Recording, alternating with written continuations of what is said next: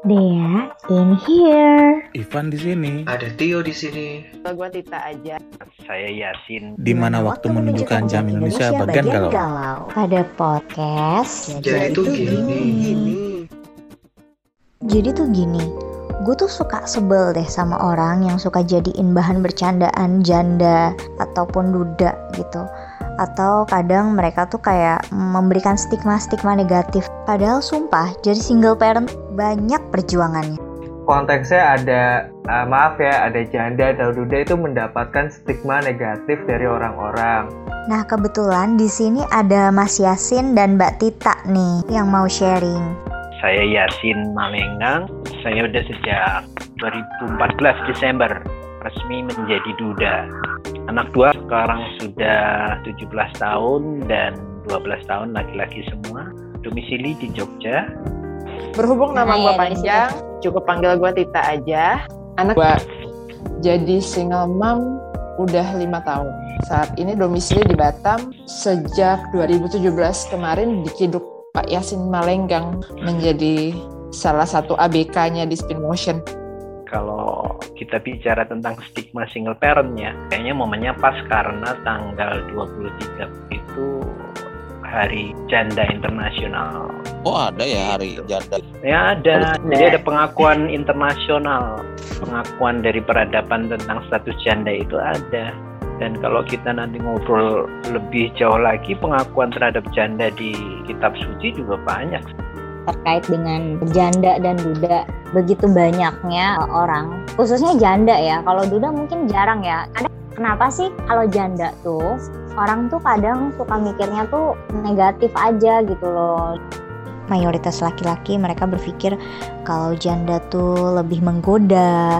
Terus ada juga eh, yang bilang kalau janda tuh gatel pemikat dan sebagainya tapi kalau duda tuh kayaknya masih lebih bagus gitu disebutnya duren gitu kan duda keren. Janda, duda, kalau menurut aku nih, tetap menjadi kelompok masyarakat minoritas yang dipandang beda dalam konteks stigma berarti negatif.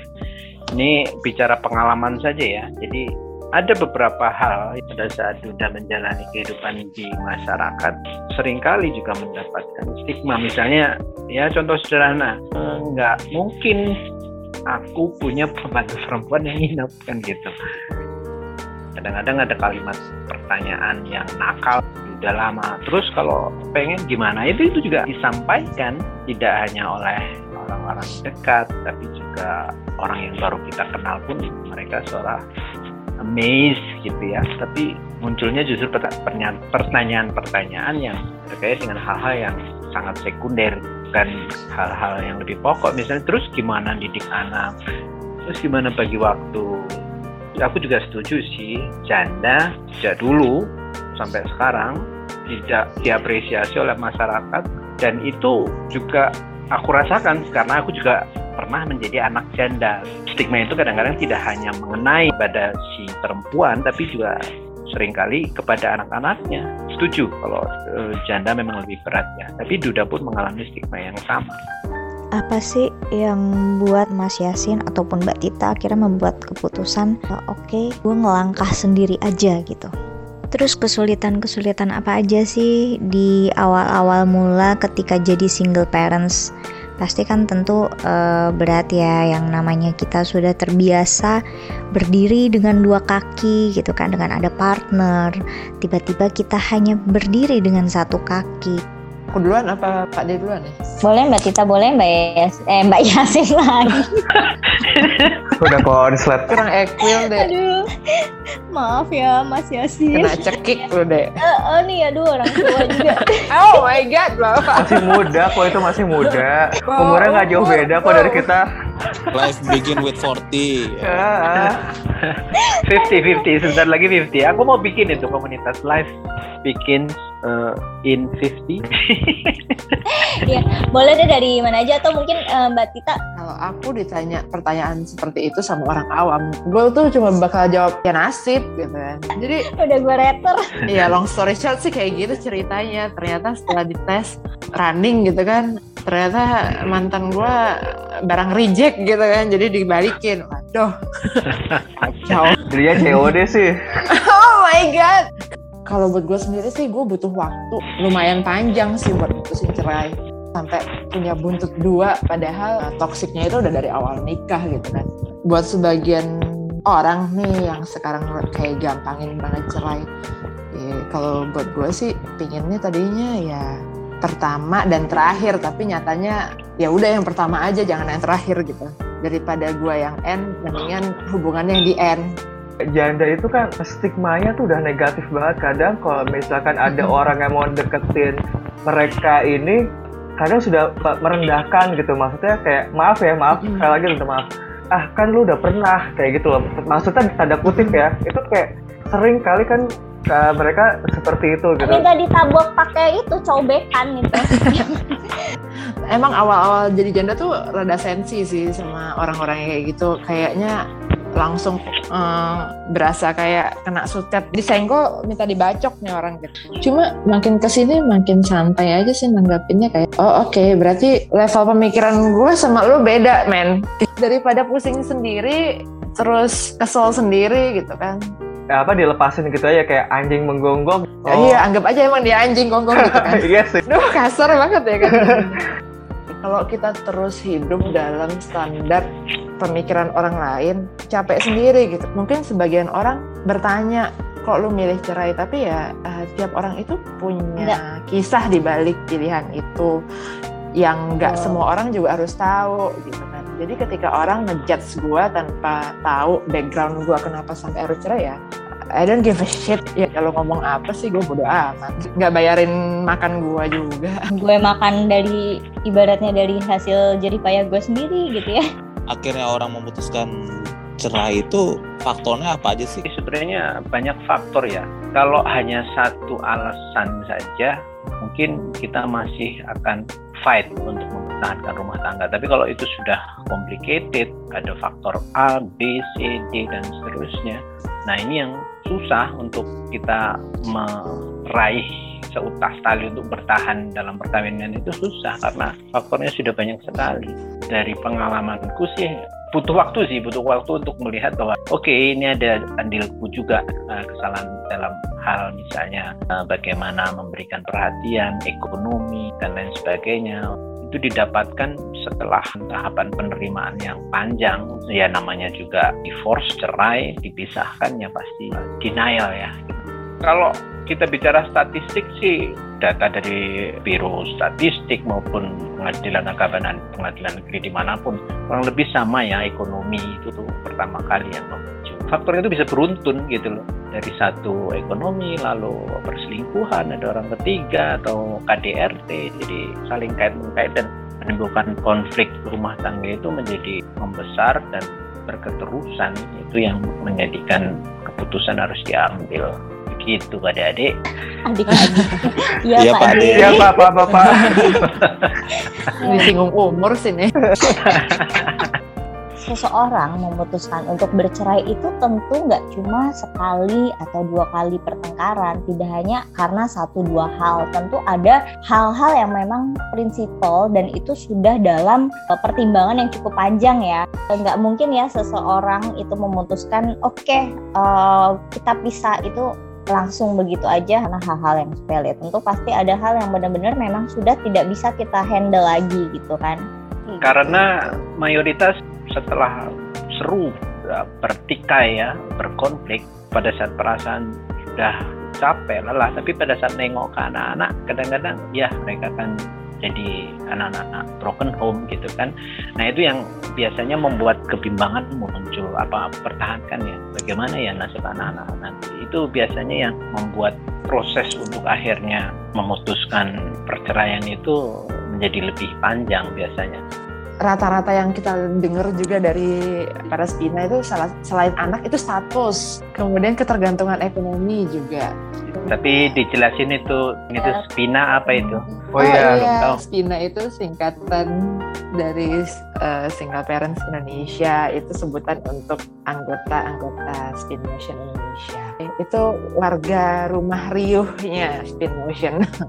spin motion itu udah kayak rumah untuk para single parent. Baik dia itu single parent karena di luar rencana atau karena perceraian ataupun karena meninggal di mana ini adalah wadah supporting system juga tempat saling berbagi para single parents baik karena parentingnya atau karena uh, hukum perceraian itu seperti apa atau misalkan uh, secara psikologis gimana untuk healing seperti itu atau bagaimana kita menerima perceraian kita atau menerima bahwa suami kita sudah meninggal. Nah, seperti itu. Jadi, itu adalah tempat paling aman gitu. Ibaratnya kalau kita curhat curhatannya tuh nggak akan ke mana-mana. Jadi jangan salah gitu, tidak hanya janda yang ternyata uh, galau atau bingung ketika baru menjadi single parents. Duda pun juga banyak gitu. Di sini banyak juga duda yang uh, mereka tuh bingung ketika mengalami misalkan anaknya datang bulan gitu kan dia menjelaskannya gimana atau ketika janda yang bingung bagaimana mengajarkan anaknya sholat Jumat sedangkan uh, dia sendiri kan tidak ada suami seperti itu. Kita harapannya sih jangan terlalu nyampah gitu kan karena balik lagi banyak tuh orang sebenarnya nggak care cuma kayak kepo doang sama urusan kita. Yang ada akhir-akhirnya bukan yang ngasih solusi malah nambah nambah riweh gitu kan. Kalau di spin motion malah banyak-banyaklah menyampah. Sampahnya di situ aja ya buangnya tadi gitu ya. Iya. Janda atau duda tuh lebih kayak mikir ke anak ya. Jadi parenting itu kayak ngasih tahu anak-anak yang masih kecil-kecil dan kayak butuh sosok seorang bapak atau ibu tuh gimana cara handle-nya? Pembagiannya ya berarti ya? Yes pembagian jadi gue jadi harus jadi bapak atau gue harus jadi ibu gimana tuh? Parenting dari kecil akhir sampai gede kan susah tuh. Aku ke trigger sama pertanyaannya Ivan. Itu kekhawatiran yang wajar dan manusiawi karena kan kita nggak hmm. bisa menjadi keduanya perempuan seorang ibu ya kan dalam menghadapi nantinya atau mungkin sudah pertanyaan gimana bapak? Pertanyaan kenapa pisah? Mau nggak tahu kita harus jelaskan kan? Ya betul. Tapi terkait dengan Dea dan Tita yang aku kenal banget, mereka memiliki anak-anak yang di usianya pada saat ini kayaknya masih balita ya, di bawah 12 lah. Walaupun itu juga terjadi pada diriku pada saat divorce itu, karena waktu itu anakku umur 5 sama 10 tahun. Kesulitan dan uh, beratnya untuk menjawab pertanyaan itu itu semuanya pasti ngalami bagi orang-orang yang bercerai. Karena bagi yang janda atau duda ditinggal wafat ya itu bisa mereka-reka kisah-kisah surga lah itu kalau yang bercerai kan mereka harus menghadapi pertanyaan yang sulit untuk menjelaskan apabila dikaitkan dengan umur anak juga ini juga faktor penentu juga. Beda kiranya seorang anak umur 5 tahun atau di bawah, di bawah 12 tahun misalnya bertanya hal yang sama terkait perceraian orang tuanya dibandingkan dengan anak-anak yang di atas 12 tahun butuh satu pilihan kalimat yang pas untuk mereka. Kadang-kadang gender pun iya, ke anak perempuan bagaimana, ke anak laki-laki bagaimana. Saranku jujur saja dengan memilih kalimat-kalimat yang mereka bisa pahami sesuai usianya. Kalau soal parentingnya gimana tuh? Masalah parenting benar-benar PR ya. Jadi orang tua pun nggak ada ilmunya gitu kan. Seharusnya punya mitra parenting pun banyak yang jauh dari kata sempurna jadi orang tua apalagi kita yang sendiri gitu kan kalau dari aku untuk parenting itu aku berusaha mengenal anak-anakku dan menganggap mereka sebagai manusia yang utuh.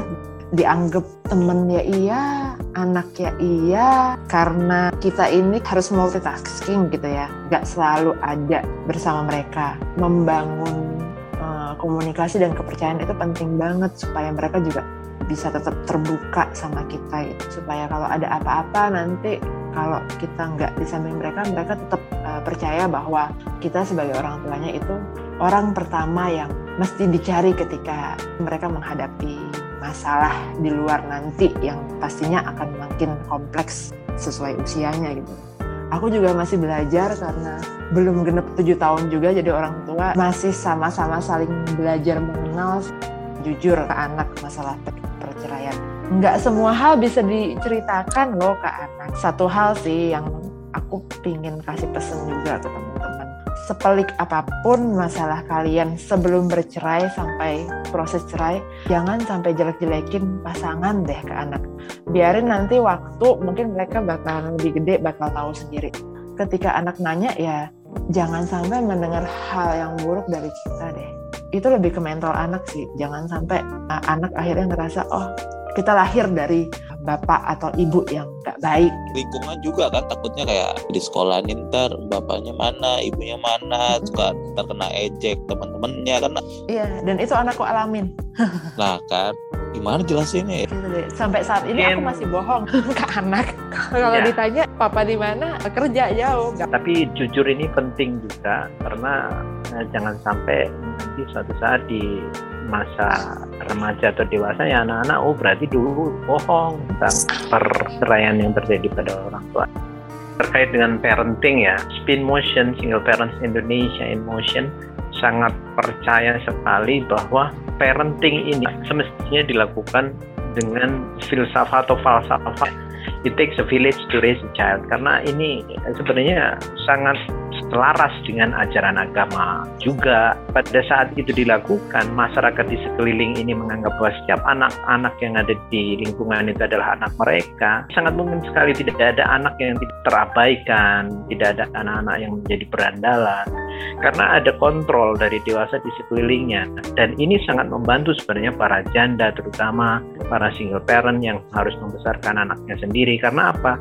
Dia akan merasa safe dia akan merasa tersupport pada saat anak-anaknya ini mendapatkan juga kepedulian dari dewasa di sekitarnya salah satu yang sebenarnya kita dengung-dengungkan sejak awal spin motion berdiri gitu. membangkitkan kembali semangat solidaritas, empati untuk merasakan bagaimana sih menjadi seorang perempuan dengan anak dua, tiga, empat sendirian dia harus bekerja membagi waktu dengan mengasuh anak.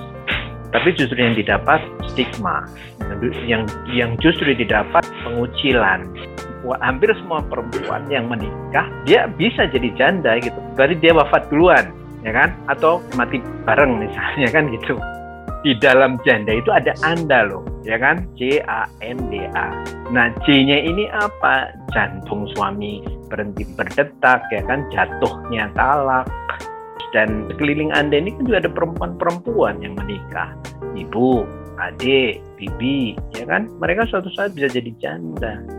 Nah, terkait dengan parenting ya, sebenarnya kan memang banyak orang yang suka berpikir kan lo janda atau lo duda, terus gimana tuh anak lo dapet kasih sayang ibu atau kasih sayang bapak itu dari mana?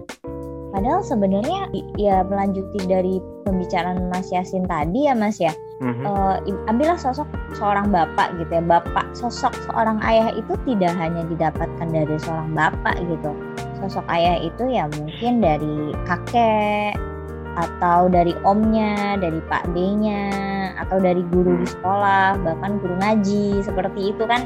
Sosok orang lain yang dewasa di sekitar si janda atau si duda itu bisa juga menjadi eh, sosok orang tua bagi si anak. Aku ditinggal meninggal ayah itu umur lima tahun.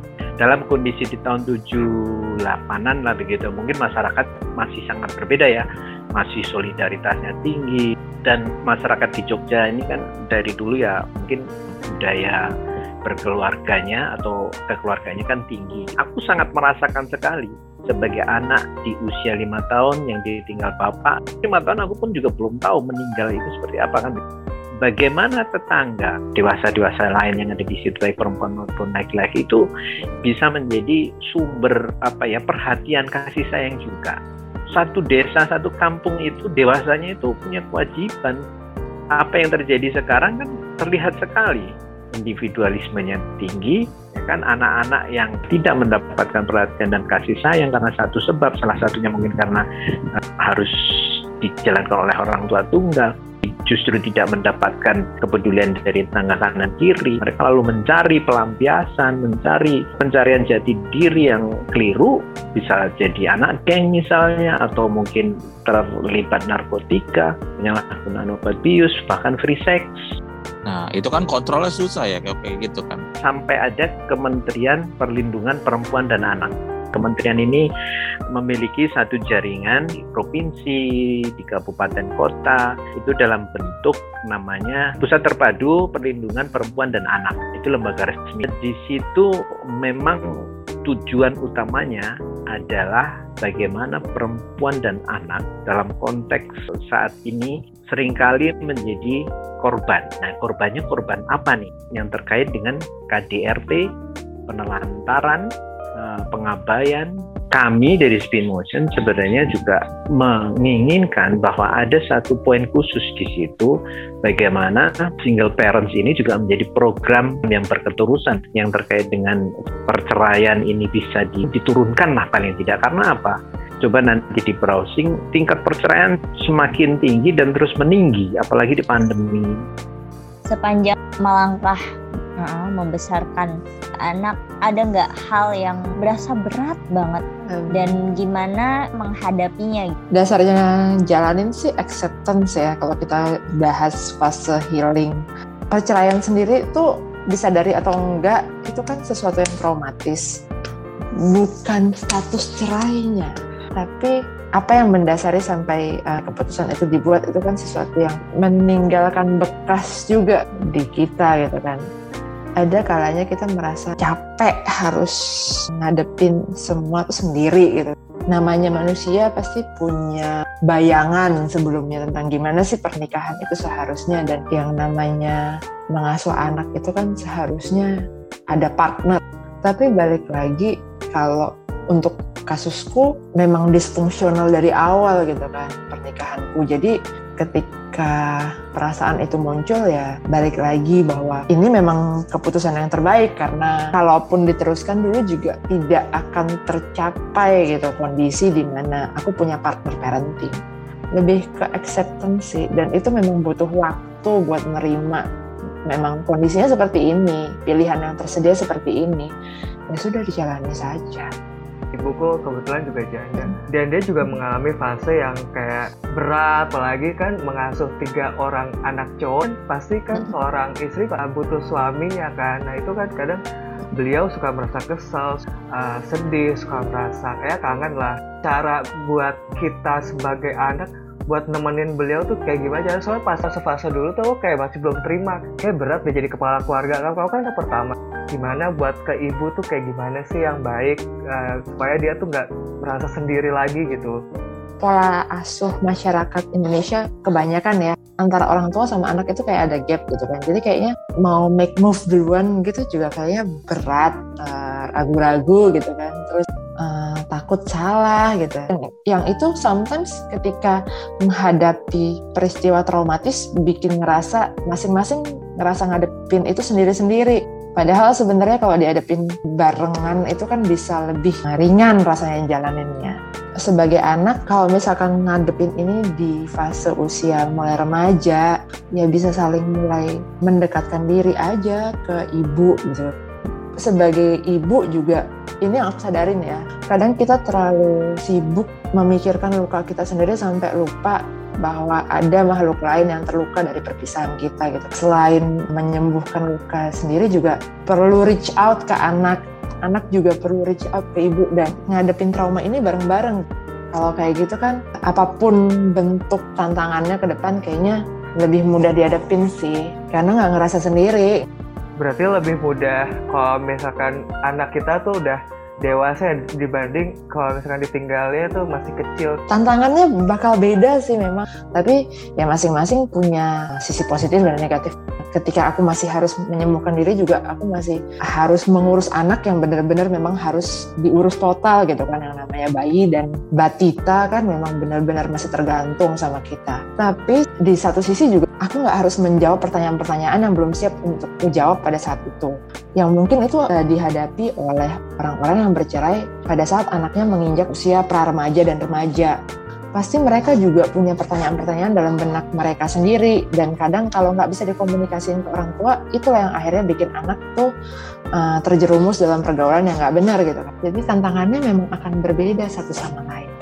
Kalau bisa selama fase adaptasi itu saling mendekatkan diri aja mungkin nggak biasa gitu tapi maksudnya sekedar duduk di samping nemenin ngusap pundak ibu itu juga udah sesuatu yang berarti sih buat Hmm. ibu buat ngerasa sendiri gitu Kenapa orang-orang yang sekarang-sekarang ini susah banget nyari pasangan baru lagi? Nyari pasangan lagi lah biar gua ada partner sampai tua, buat anak-anak juga, dan buat semuanya lah. Ngerti lah maksudnya ya kan? Tidak semudah itu Cabelita. Ya, makanya saya menanya. ketika kita sudah pernah gagal tuh rasanya eh, kalau buat aku sendiri aku nggak mau gagal dua kali jadi lebih baik aku hati-hati ada histori tersendiri yang membuat aku setelah pisah itu belajar tentang psikologi secara umum. Yang tadinya itu jadi red flag kalau di toxic relationship itu jadi deal deal breaker buat aku sekarang. Kalau memang kayaknya ini ke depan nggak nggak bakal bisa jalan not even want to try. Ini orang kayaknya nggak cocok nih sama aku ya udah nggak akan aku jalanin Tak kenal maka tak sayang. Kan kenal PDKT dulu istilahnya kan ya. Slow but sure. Jadi kan ada kita yang- bicara second married berarti ya. Semuanya Setelah- dalam hidup itu harus diperhitungkan. Banyak teman-temanku duda juga itu yang mereka punya long period of time untuk menunggu untuk berani memutuskan menikah yang kedua kalinya. Pengantin laki-laki, pengantin perempuan apabila salah satu atau kedua-duanya punya anak, pasti pertimbangannya adalah apakah pasanganku nanti itu bisa menerima anak-anakku juga seperti dia menerima aku kan begitu. Dan itu salah satu yang menjadi pertimbanganku juga sampai sekarang. apakah harus Karena ada mabrondong juga? Tidak ada keharusan sih, karena ini masalah jodoh ya. Jodoh mati itu kan takdir. Cerai itu juga takdir sebenarnya. Nasib. Jadi, Nasib sama takdir bedanya apa sih? nah, Beda di Nah, tema berikutnya aja ini. saya agak bingung nasib dan takdir. Kembali lagi ya, pertimbangannya akan sangat lebih banyak.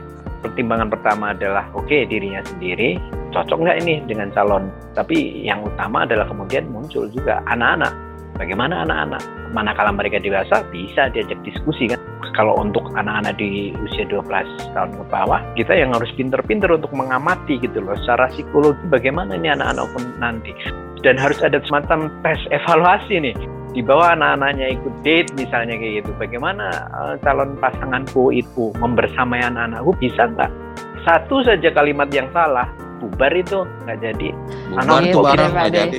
iya ujung-ujung Iya, bilang pasti. anak anakmu kok nakal sih wah itu sakit sekali bye bye Nah, Ibaratnya kalau berhubungan dengan orang tua tunggal berarti kayak buy one get one lah. Beli satu dapat bonus.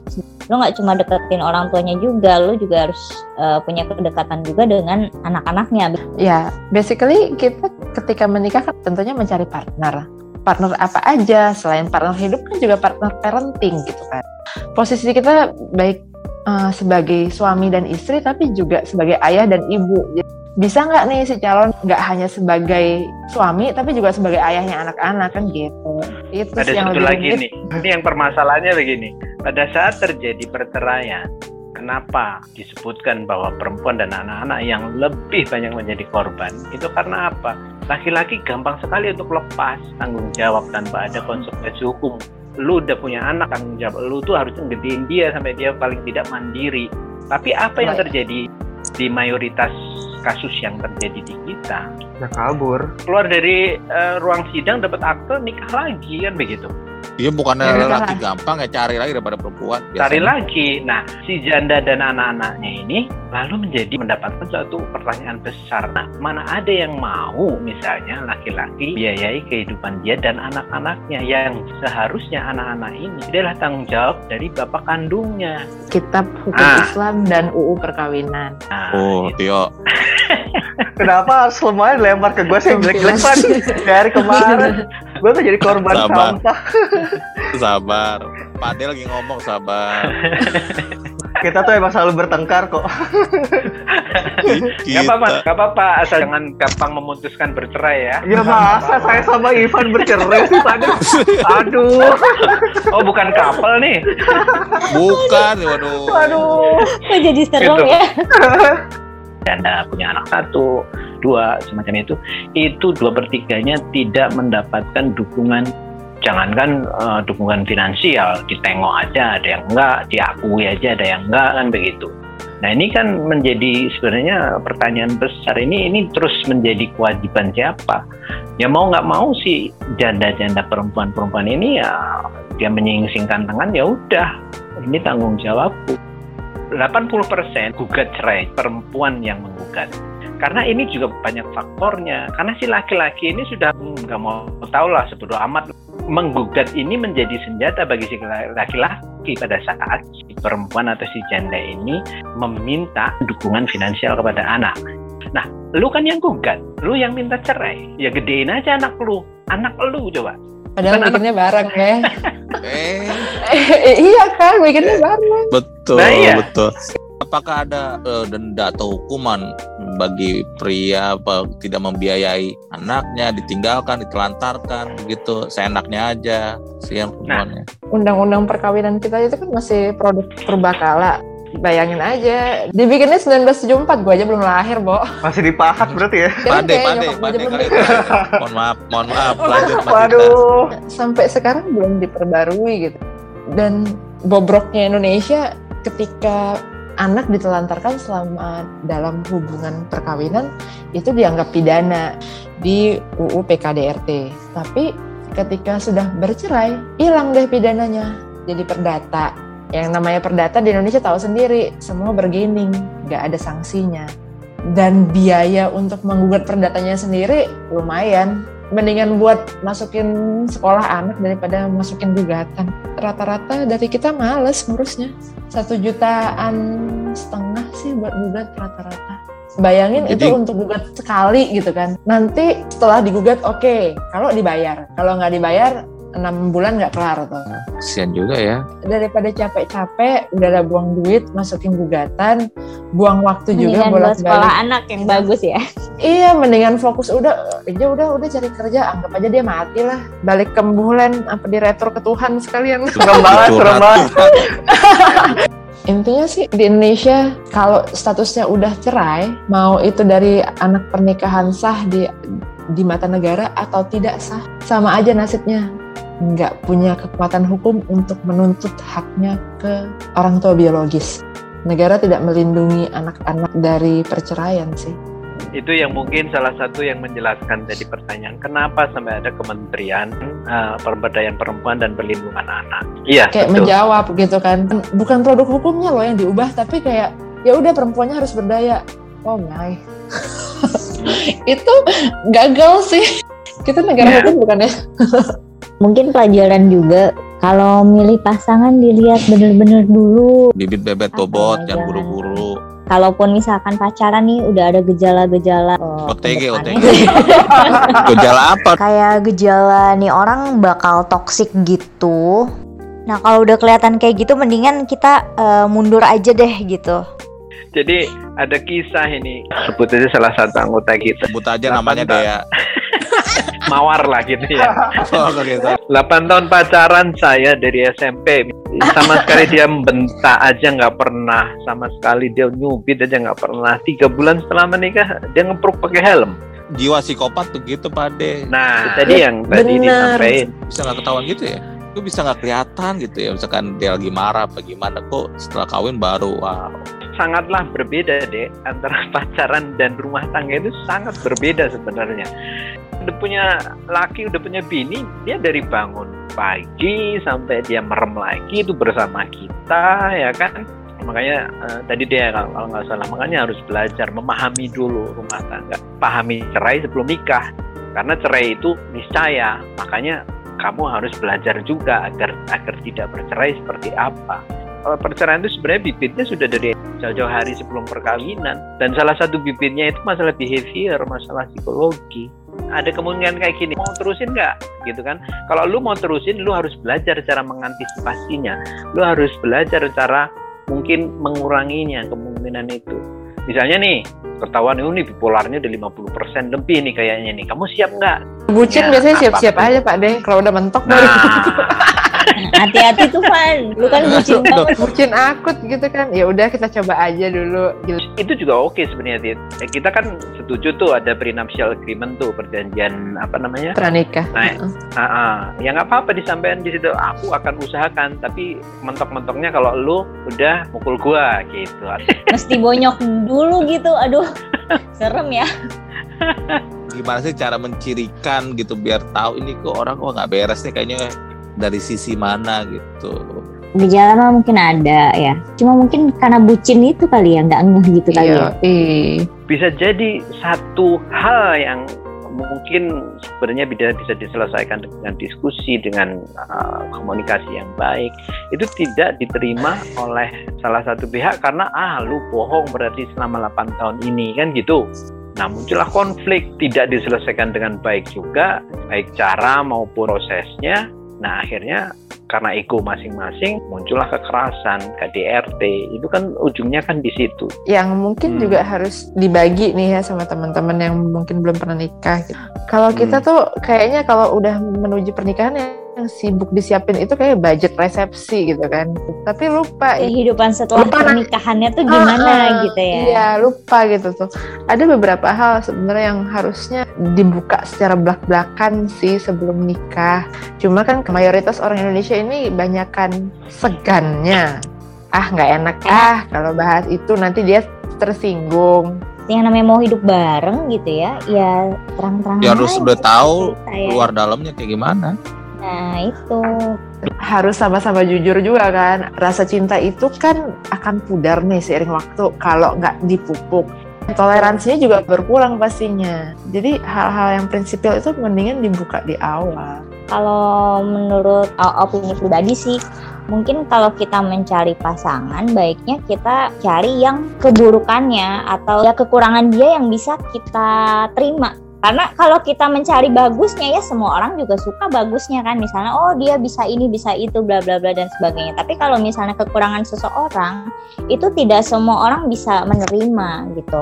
Dan ketika sudah berumah tangga tentu yang mesti Itu yang kita akan hadapi jadi tiap penyebab gitu kan. yang akan jadi kerikil-kerikil di awal kan itu yang namanya minusnya. Nggak mungkin positifnya itu jadi kerikil gitu kan Kayak gitu. mestinya itu yang dibuka di awal bukan masalah budget resepsi Tapi orang Indonesia kebanyakan fokusnya adalah mau ngadain di gedung apa, tamunya berapa, Iya, catering mana. pakai desainer siapa gitu kan tapi lupa kamu maunya setelah nikah eh, tentang pengasuhan anak gimana jadi sesuatu mau yang tinggal di rumah siapa? Mau tinggal di rumah siapa? Kontrak atau gimana gitu kan? Nah, rencanamu tentang hidupmu atau karirmu berapa tahun ke depan lima tahun ke depan, 10 tahun ke depan kamu mau apa, peta hidupmu apa, itu sebenarnya yang penting ya. Dibandingkan dari kita menentukan siapa desainer untuk baju pernikahan nanti Yes. gitu. desainer cuma dipakai semalam kok Terakhir tips and trick. In my humble opinion, saran aja untuk para single parents. Single parents ini sebenarnya titik terberatnya adalah parentingnya ya.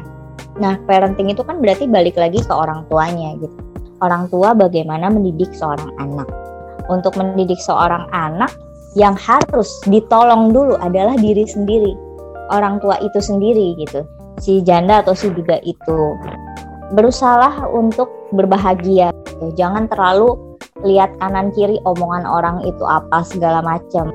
Ciptain kebahagiaanmu, maka kamu bisa membesarkan anakmu secara bahagia dan anakmu akan menjadi anak yang bahagia.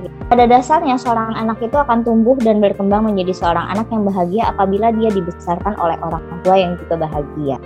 Oke. Setuju banget. Perceraian itu kan sebenarnya hilirnya, tapi hulunya itu kan di, di persiapan pernikahan. Jadi daripada resikonya itu adalah resiko terburuk itu kan bercerai gitu. Ya, jadi siapin diri, siapin diri itu nggak cuma secara finansial gitu kan, tapi juga secara psikologis. Kita selama hidup membawa bagasi-bagasi pengalaman-pengalaman hidup yang berbeda-beda. Sandingin dulu deh sama pengalaman hidup calon pasangan nih. Apakah ke depan kira-kira kita bakal bisa nggak sih jalan hidup berdua sama orang yang model begitu seperti ini?